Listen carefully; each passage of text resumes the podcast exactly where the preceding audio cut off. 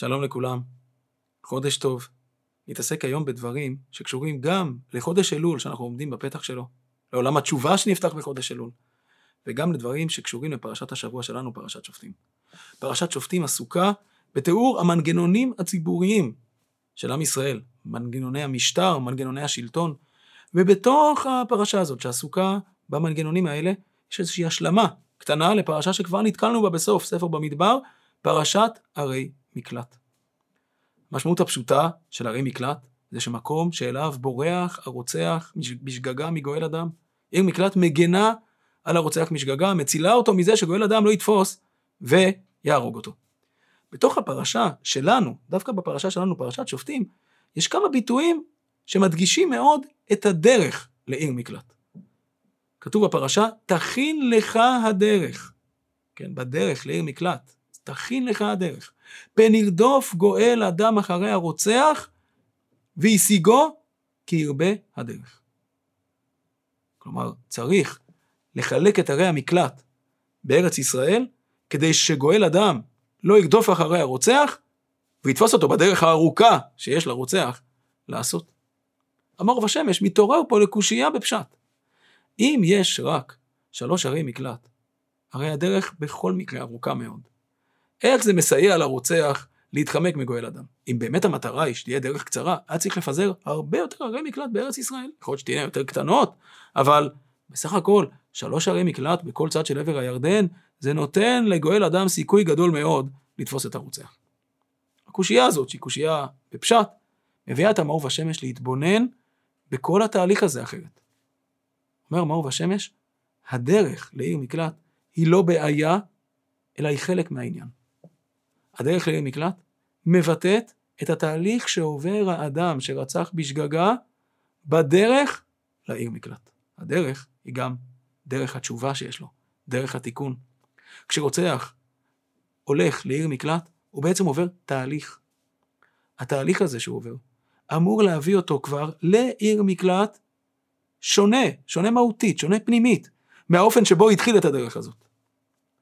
באמת הסיבה העמוקה שעיר מקלט מגנה על הרוצח, לא רק במובן הפיזי, הסיבה שהיא קולטת אותו, הסיבה שפתאום נבנות מסביבו חומות הגנה, שאומרת התורה שאסור כבר להרוג אותו, היא בגלל שבדרך לעיר מקלט, הרוצח כבר אמור לעבור משהו, הוא אמור להיכנס לעיר מקלט כשהוא עבר איזשהו תהליך שונה. את התהליך הזה הוא ימשיך אחרי זה גם בעיר מקלט עצמה.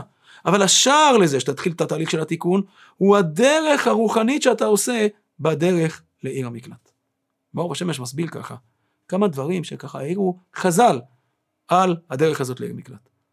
כתוב בפרשה שלנו, וזה דבר הרוצח. על הרוצח שהולך לעיר מקלט.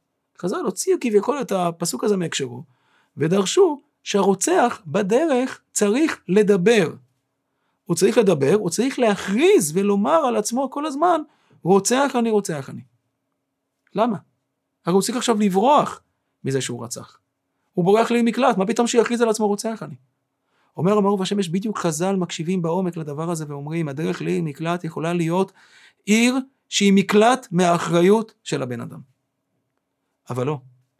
אדם רצח בשגגה, הוא לא בורח עכשיו מאחריות. התורה מתארת את האדם שכבר בדרך הוא לוקח אחריות. הוא אומר לעצמו, רוצח אני. הדרך לעיר מקלט היא לא דרך של בריחה מאחריות והגנה מהחטא, אלא הפוך. היא אמורה לחשוף את האדם לזה, שבסוף אם קרה לך משהו כזה, כנראה יש איזשהו פגם. והדרך מעוררת אותך לתשובה. ואומרת לך שאם הדבר הזה יתגלגל לידיך, אתה לא יכול לברוח מזה. אתה נמצא עכשיו במסע של תיקון. כשהתורה אומרת תכין לך הדרך, היא מצווה את הסנהדרין, כך כתב רש"י, לבנות את הדרך לעיר מקלט, כשבדרך שלה יש שילוט. יש שילוט שמוביל לעיר מקלט, לעיר מקלט, לעיר מקלט. טוב, כמובן, תמורים בדרך זה דבר מאוד חשוב. אבל רש"י מבין, אה, המעוף השמש מבין, שהדבר הזה, בעומק, מבטא שוב את זה, שהדרך צריכה להיות דרך שמובילה לתיקון. כשהתורה אומרת, תכין לך הדרך, היא בעצם מצווה את הסנהדרין להכשיר את הדרך לעיר מקלט באופן כזה שהרוצח שיוצא למסע הזה עובר שם איזושהי הדרכה רוחנית.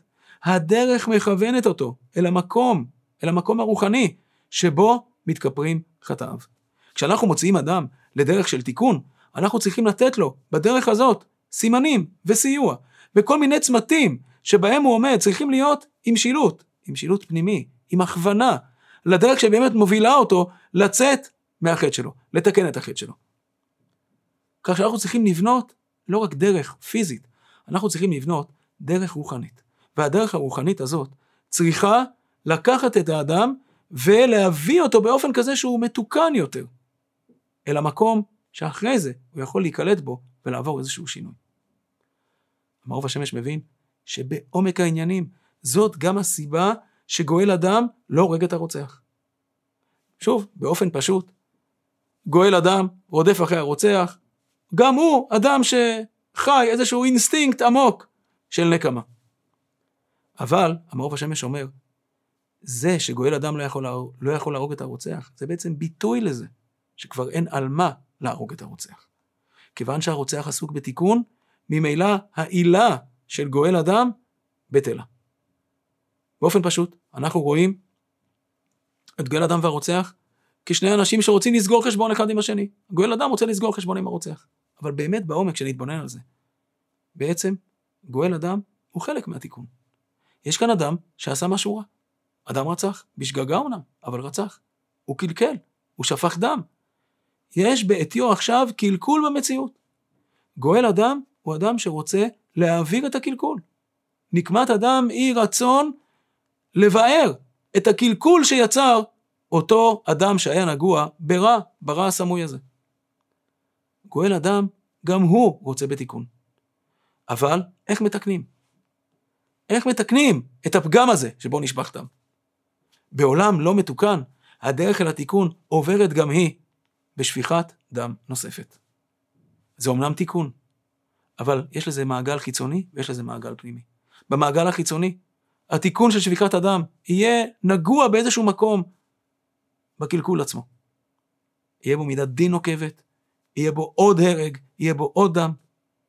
אפשר להגיע לתיקון אחרת.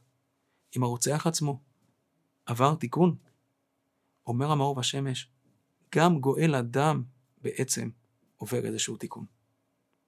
כשאנחנו מתקנים בעומק של המציאות את החטא, מסתבר שגם מה שמדליק את גואל הדם בעצם כבר לא קיים שם. על ידי שהרוצח מתקן את עצמו ומתנקה מהרע שבו, גם גואל אדם המתקן, שנגוע באותו, באותו אווירה, באותו רעל של שפיכות דמים, מתנקה מהדבר הזה, ולא רק שהוא לא יכול לרצוח, אומר המאור בשמש, הוא בעצם מתנקה מהצורך לרצוח. וגם הוא עצמו עובר תיקון. וככה אנחנו רואים איך שבעצם התורה משתמשת פה במעגל חיצוני של אינסטינקטים ודינמיקה, דינמיקה שחותרת לאלימות, שחותרת לרע, בשביל להפוך את כל התנועה הזאת לתנועה שבה בעצם אדם לא בורח מאחריות, אלא הולך לבקש תיקון. וברגע שאדם עושה את המהלך הזה, והולך לבקש תיקון, הוא בעצם מטה את כל המציאות לכיוון כזה, שבה היא, בבקשת התיקון שלה, מתקנת אחרת, והולכת ועוזבת דרך של ייקוב הדין את ההר, לדרך שבעצם מבקשת תיקון מתוק יותר, נעים יותר, שמוותר על הצורך בנקמה. אחד הרמזים של חודש אלול, שאליו אנחנו נכנסים, לקוח מפרשת רוצח בשגגה. והאלוהים עינה לידו, ושמתי לך מקום. עינה לידו ושמתי לך, עינה לידו א' ל' ושמתי לך, שמתי לך, ו' ל', זה ראשי תיבות אלול. ההליכה הזאת לעיר מקלט מלמדת שהקדוש ברוך הוא נותן לנו את המקום לתיקון על הדברים שאנחנו נגררנו לתוכם. יש לנו בהקשרים שלנו מול הקדוש ברוך הוא הרבה מאוד מקומות שהם מקומות בשגגה. והקדוש ברוך הוא בחודש אלול מושיט לנו את היד ואומר לנו אני נותן לכם במקום לברוח מאחריות אני נותן לכם את המקום שמאפשר לכם לתקן, שמאפשר לכם לבחור בדרך של תיקון במקום בדרך של בריחה.